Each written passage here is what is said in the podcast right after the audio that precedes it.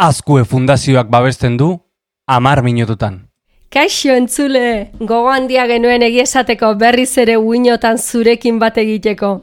Batez ere, koronavirusaren garaiotan hezkuntza eta teknologiaren alorrean izketagai asko eta asko izan ditugulako. Bueno, zer esan behar dizuet ez, asko hitz da pandemiaren garaiko ikaskuntza irakaskuntza segunotan eta galdera ugari sortu dira.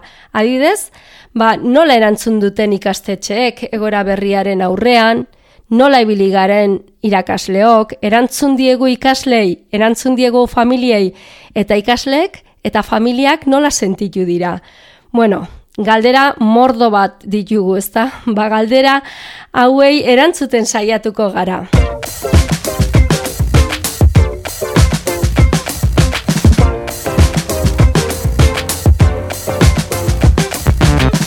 Berezik interesgarria iruditzen zitzaigun galdera hauekin hasiera ematea hamar minututako hirugarren denboraldiari. Badakigu tarte honetan hainbat ikerketa eta beaketa egin direla eta hoietako bat ekarri nahi izan dugu eta gainera bereziki interesgarria iruditu zaigu gauza bateatik, ez? E, irakasle mordo baten bizipenak eta praktikak jaso direlako.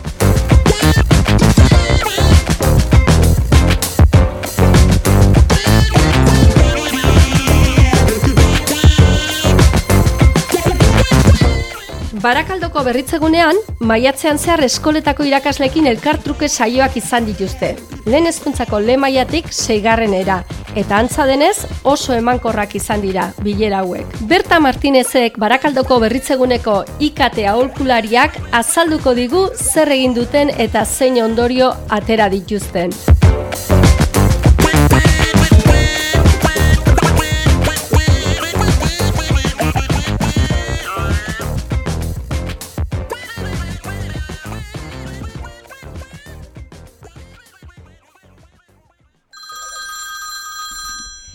Kaixo, Berta, zer modu zabiltza? Kaixo, eguno, maite, konfinatuta, bestea bezala, esan nahi dute momentos e, onlineko lana egiten, eh, nire mm -hmm, ezaugarri pertsonala direla eta, baina, bueno, goekin be itxultzeko, alik eta lasterren.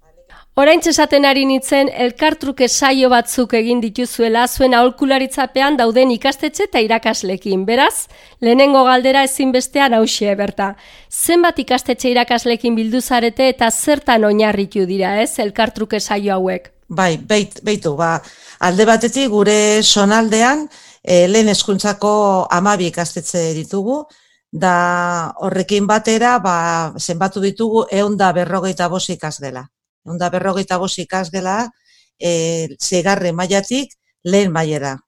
Eta hori bai, kalkula egin du nik e, nola bai, ba, bueno, ez dakit oso zehatze izango den, baina 2000 laureon ikasle inguru edo, izan daiteke zen, gure gela korokorrean beterik daude. Ogei, hogeita bost ikasle, ba, maila askotan, ez da ikastetxe askotan. Ez guztietan, baina bai gehienetan. Eta irakaslearen aldeti, ba, irakasle izan dira be, ba, prinsipios dituak eh, eunda berrogeita bost, oiek tutoriak direlako, gela tutoriak, baina egia esan da, zabaldu genuen e, nolabai deialdia beste irakasleak ere sartzeko, eta izan ditugu espezialistak, beteak, musikakoak, e, ziketa fizikozkoak, ingelesezkoak, oza, egon dira, e, bueno, pues denetariko e, irakasleak egia esan da, egun da hogei gutxi gora bera bertaratu ziren, azkenean, eh?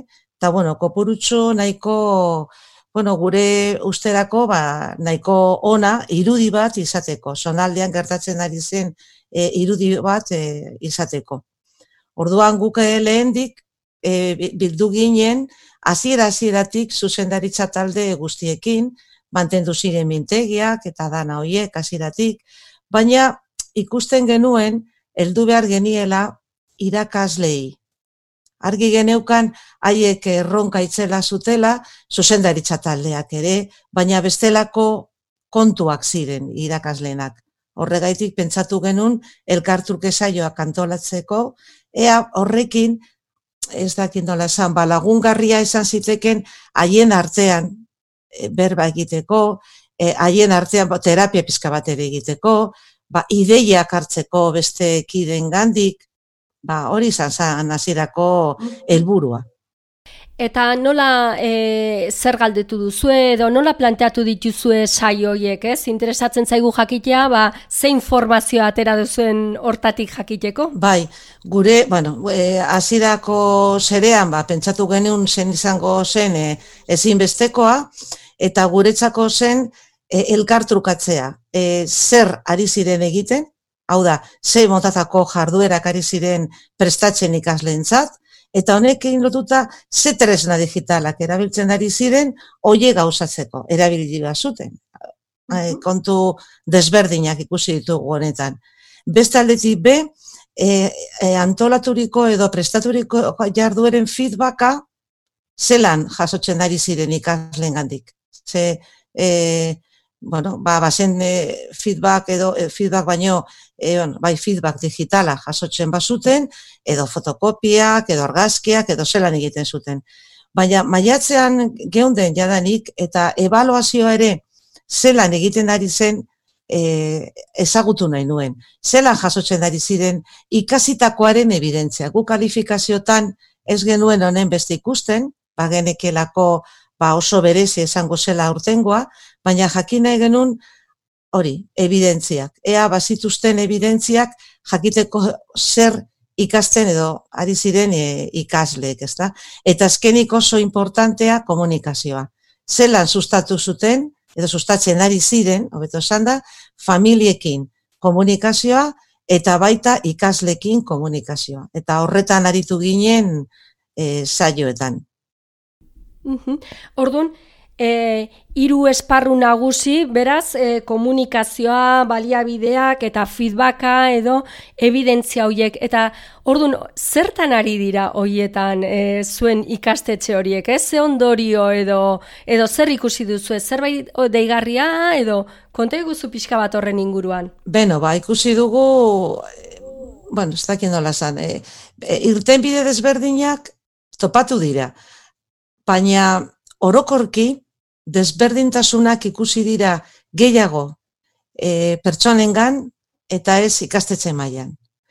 E, orduan, e, ikusi duguna da ikastetxe batzuetan egia da e, e, e, azpiegitura gehiago mm, jorratu dala eta naiz eta agian ez izan e, tresnak e, eskuragarri momentuan arduratu dira guztientzako heltzen eta bestetan naiz eta horiek ez egin e, irakaslek bilatu dute e, modua, ezta?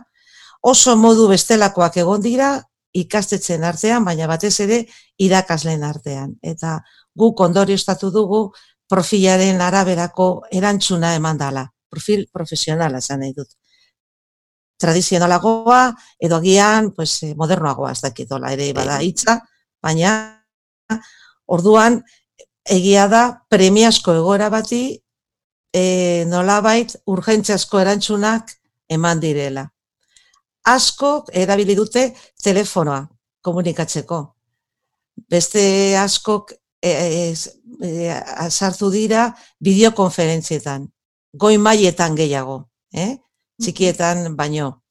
E, beste batzuk telegram, eta telegram erabili da ikastetxe mailan ere, talde difusioekin, berriak eta bueno, informazioak zabaltzeko unean, ez da? Oso bestelakoak orokorrean. E, gehiago egonda aurrez aurreko komunikazioa goimailetan, zikienetan baino, hori ere mm. ikusi dugu. Hori ere normala da, ez da? Eta e, hori komunikazioari dagokionez, asko asko arduratu dira guztiekin komunikatzen. Baina arrakarada sozial, ekonomiko, kulturala e, ikasgeletan ikusten dana ikusi da e, online egon direnean. Orduan batzu galdu dituzte, ume gutxi, eh? baina galdu dituzte eta esaten digut eta esan digut erkaturuk esaioetan badirela ikasgeletan ere galtzen dituzten hoiek. Baina egi esan, udala, gure udala horretan e, oso konpromiso handia du e, eskuntzarekin, eta gizarte zerbitzu sozialekin eta udaleko arduradekin e, sustatu dute edo saiatu dira e, komunikazio hori berreskuratzen. Orduan, bueno, oso gutxi galdu dira, baina izan dugu arazo bera, osea, presentzialean dagoen arazo bera. Hori komunikazioari dagokionez. Ez du gogoratzen horri buruz ba, bazen galdera. Bai, e, hori da, zein e, esparru ezberdinetan komunikazioan baliabidetan eta feedbacketan azaldutako ondorio nagusiak. Beraz, komunikazioan garbi geratu zaigu. Baliabidetan, ze baliabide erabili dituzte? Baita sumatu dira ezberdintasun horiek edo... Bai, ezberdintasun handiak be. Osea, eta esate baterako, bosgarre eta zeigarre mailetan, e, esate baterako, jesuite e, plataforma erabiltzen zuten ikasgelan ere zeudetenean. Orduan, ikastetxe hoiek oso erraz trasladatu dute klasrunera bere lana. Egia da era desberdinetara, baina orokorrean irakaskuntza tradizionala egiten, eh? hori esan behar dute. Orduan, islatu da hori. E, laugarren maila askotan eta hirugarren maila askotan be e, hasi ziren erabiltzen, kideen esperientzia ikusita, eta B mailetan ba askoz tradizionalagoa, hau da, atasak bidali dira, bueno, egia esan da, konfinamendu hasi baino lehen, eraman zituzten liburu guztiak, kuadernoak, zenbat eskolatan B materialak banandu dituzte, barrakala soziala e, kontuan hartuta, eta orduan e, jarraitu dute e, gelan egiten zutena, liburuen fitzak eta azerak. Irakasle batzuk e, naiz et, eta mm, e, material horiek erabili, bai irakaslek prestatu dituztela azalpen bideoak. Hasi direla, hasi dira gure sonaldean YouTube kanal batzuk, irakasle YouTube kanalak, eta hasi dira pauton erabiliz, edo bestelako tresnak, bueno, genialiek, geniali aplikazioa esan da arrakastatzuena egoera honetan, osea, benetan, osea, harritzekoa, eta grabatu dituzte, ba, bideo txikiak, ba, ikaslei lanak emateko. Egia esan da, planifikazio bat egin dute, eta frogak egin dituzte. Batzuk asteroko plangintza egin dituzte, eta plangintza horiek egin da ikusita agian, e, zutela, ez dakit, autonomiaren aldetik, e, zegoela kontua oso argi, hobea egunero agintzea, Osa, egin dituzte saiakera desberdinak, eta aldaketak ere gondira e, konfinamendu osoan. Agian txikienekin e, gehiago erabili dira, ba, fitzak edo liburuak. Egia esan da, behar gehiago daukate, ez dakit nola esan, ba, ira, e, irak, irakurketa idazketa prozesuetan, ba, lehen etzi dute hori ere. Osa, arrezko atxat jo dute, eta horriekin diote, ezta? Baina egia esan da, ikusi dutenean bestekidek egiten zutena, batzuk adierazi zuten bileran bertan, beraiek ere, hasiko zirela mitak erabiltzen, eta baita zera horiek, e, e, baklarrun edo drive behintzat, ba, kudeatzeko jarduera. Eh? Orduan, nik uste dut aldaketak egongo direla, besten esperientziari esker. Ikusita, maila bereko, beste irakasle batek, egiten duena, ba, ba, bueno, pues hori, ba, e, e, e, dela, edo, edo etekin gehiago ateratzen zaiola, eta animatu dira, eta seguruena orain horretan ari dira e, irakasle batzu. Ba, justu, e, hori entzuten nahi naizela, zenbat urte daramatzagun irakasleen formazioan, eta askotan guk urtetan nahi egin izan nahi du, bueno, egin duguna edo gure nahia izan dena, e, pandemia garai honetan e, azeleratu eta azaleratu egin dira beharrak eta azeleratu eginda formazio hori ez da, oso modu naturalean, ba, beharrak sortuta asko ikasi dugu baita e, horretatik. Eta e, falta zaigu feedbackaren e, hori, e, ze modu e, e, intrigatuta nago horrekin, azterketak egin dituzte online, bueno, pentsatzen dut asko proiektuetan oinarritutako irakaskuntza egingo dutela, orduan bestelako kontuak, baino, konta guzu pixka bat. Bueno, ez pentsa, eh? honen beste, a ber, eh, alako egoeratan, eh, ziurgabetasun egoera baten, arruntena eta gian logikoena edo psikologikoki, bueno, bentsate egiten duguna bada, segurtasuna dugun horretan jarraitzea. Orduan ez pentsa, osea, e, bai daudela e, irakasleak e, atasetan edo ataz kompetentzialak edo baita proiektuak jarraitu dituztenak e, jorratzen, baina ez da gehiengoa. Naiz eta horretan formazioa azken urtetan horretan e, egin ikastetxetan, ba, batzuk edo, bueno, ez dakiniko puru nahikotzu, ba, tradizionalera itzuli direla egoera honetan, ez da, pentsatu, zerrezago esango zala haientzako eta baita ikaslentzat ere. Orduan, e, feedbacka, ba, feedbacka da horretan utzunea ikusi dugu eta hor lan egiteko e, bueno, gaia e, e berritxegunerako ere, pentsatu dugu, horretan landu behar dugula, oza, hori izan da e, zera bat, e, askotan feedbacka deitzen diogulako e, ariketa zuzenduak emateari. Orduan, e, egoera espresentzial batean, aurrez aurrez dituzunean ikasleak askoz garrantze handia du feedback e, formatzaile ematea. Ze karo, haiek irakaslea ez dute ondoan. Eta, ira, eta familiek ez dute zertan irakasle papera hartu behar, naiz eta papera hartu behar izan, egoera honetan. Orduan askoz be potentiagoa da, eta askoz be beharrezkoa e, e, hori, ba laguntza hori emotea aurrera joateko. Orduan horretan e, gutxi ikusi dugu eta pensatzen dugu lan egin behar dugula e, askoz gehiago. Osea, ariketak zuzendua ematea ez da feedbacka. Eh? Bai egon dala feedback emozionala.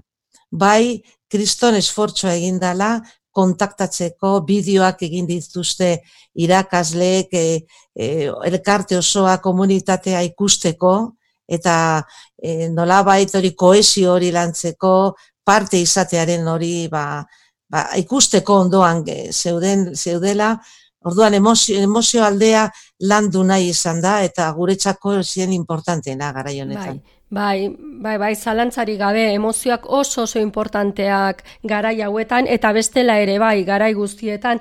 Eta maitzeko berta, errubrika bat garatu duzue, niri oso interesgarria iruditzen zait tresna hori, ba, jakiteko pixka bat, ikastetxek, ba, zer egin dezaketen, ba, hiru esparru horien inguruan, nola hobetu dezaketen, esai guzu? Bai, bai, bueno, ba, guk, e, ba, buelta asko mandizkiogu honi, eh, ba, pentsatu ikusi e, ba privilegiatu gara nolabait ikusten dugulako e, ikaste guztiet, guztien egoera e, ikastetxe guztien egiturak eta e, ikastetxetan egiten dana e, ikaslekin. Orduan e, pentsatu dugu e, eskolek behar dutela bestera batera e, pentsatzea. Osa, pentsatu behar dute bestera batera. Pentsatu behar dute direla e, ikasten duten erakundeak edo ikasten duten e, e, ez dakit, eskuntza komunitatea, edo zein zera dituta, eta jakina gauden egoeran, ziurgabetasun egoera honetan, ba, aukera batzu daude, baina guretzako aukerarik oberena, ba, badela egokitzea egoerari. Guk ezin dugu nahi dugu atzera joan, normaltasun batera joan, egertatu ez balitz, baina ez da horrela. Hau da, bizigaren munduan, ziurgabetasun mundua da. Eta e, horret, aurren aurrean, hiru gauza daukagu, dauzkagu guruan guk. E, eten gabeko eraldaketak ezigitzen du, beste batera, beste batera pensatzea, alde batetik. Beste batera antolatzea gure lana, eta etengabeko ezagutza sortzea. Etengabe ikasi behar dugu. Eta ikaste horretan erantzun egokia emango diogu e, egongo den egoera horri. Ez dakigun egoera horri. Eta horretarako e, pentsatu dugu, ba ikastetzea dala e, e, komunitate bat, e, dituela familia, dituela ikaslea, dituela irakasleak eta ez dozenteak, eta e, horretarako pentsatu behar dugu hiru esparru nagusietan, azteko eskola bezala, gero bestelako esparru asko daude lan egiteko, ba, metodologietan eta hainbat zeretan, baina guk zentratu gara. Ikastetxe bezala eta irailari begira, nola sustatuko dugun komunikazioa, zelako baliabidea ditugun eta zelan kudiatuko dugun beste era batera, ez kudiatzen ari garen bezala, ikusita e, zera konfinamenduaren esperientzia, eta ze formazioa sustatu behar dugun ezinbestekoan e, ikasturtea hazen denean. Eta, bueno, horrekin, deskribatu ditugu iten e, esparroietan hainbat adierazle, deskriptiboak laguntzeko asmoz, eta pasatu diego ikasketa buruei, ba, ea asnarketa egin daitekeen ikastetxean, ba, erabakiak hartzeko, or, e, eskola mailan. Eh? Mhm. Orduan hori izan da gure... Ba, egi esateko, berta, ni begira ibili naiz eta iruditzen zait oso baliagarria izan litekela edo zein ikastetxerentzat. Beraz, e, esango dugu e, non topatu dezaketen, badaukezue site bat eta e, izen emango duzu? Bai, e, gure saita da apren bidaia, erraz topatzen da Googleen. Mm Apren bidaia esango dugu, aprendizaia horretatik, apren bidaia. Bai, ni horretan obsesio pizka bat dute hitzekin be, gertatzen zait ez da nire zera bat, eta orduan ikastearena askotan erlazionatzen da hori buru berarri ikaste horrek, horrek, e, horrekin ateratzeko azterketa bat, eta ni gehiago ez, ez dakit, nire e, ikuspegitik aprendizaia, aprendizaren hitzatik horrek e, ikasten duena kompetentea izaten e, beste baten laguntzarekin, askoz mm gehiago gustatzen zaite erabiltzea. Horregatik, apren bidaia, ze beti gabiltza aprendizaje horren e, bidai luze batekin bizitza osoa iraunten duena. Esango nuke, berta, ba, mila, mila esker, moztu beharrean gare, ze badakizu, egongo ginatekela luze askotze denbora gehiago hitz egiten, baina gure saioa amar minututan dauka izena gure saioak eta bukatu zaigu denbora. Beraz, beste bat, urren arte, berta, ze beste batean ere kontatuko dizkiguzu nola doazen kontu hauek, iruditzen bazaizu. Bai, bai, e, e, maite, nire aldetik, e, mila esker bioi e, egoteko han eta bueno, eska, eskatzea gaitik hau eta ba, bueno, hotza ematea gaitik ez da bai. eta bueno, eta ikusiko dugu edo entzungo dugu. Ederki, berta, jakinaraziko dizugu. Mila, mila esker, eta beste bat arte, agur? Agur, agur, bai, bai.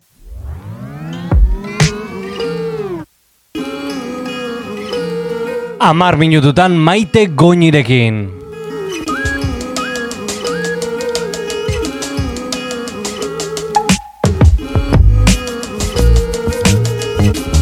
goinirekin. interesgarria Berta Martinezek azaldu diguna. Egi esateko, pandemia gara hauetan zerbait garbi geratu bada edo zerbait ikasi badugu, hoxe da ikerketaren eta beaketaren garrantzia. Datuak behar ditugu egoera ezagutzeko eta ondorioak ateratzeko. Bueno, ba hemen aurkeztu ditugu horietako batzuk.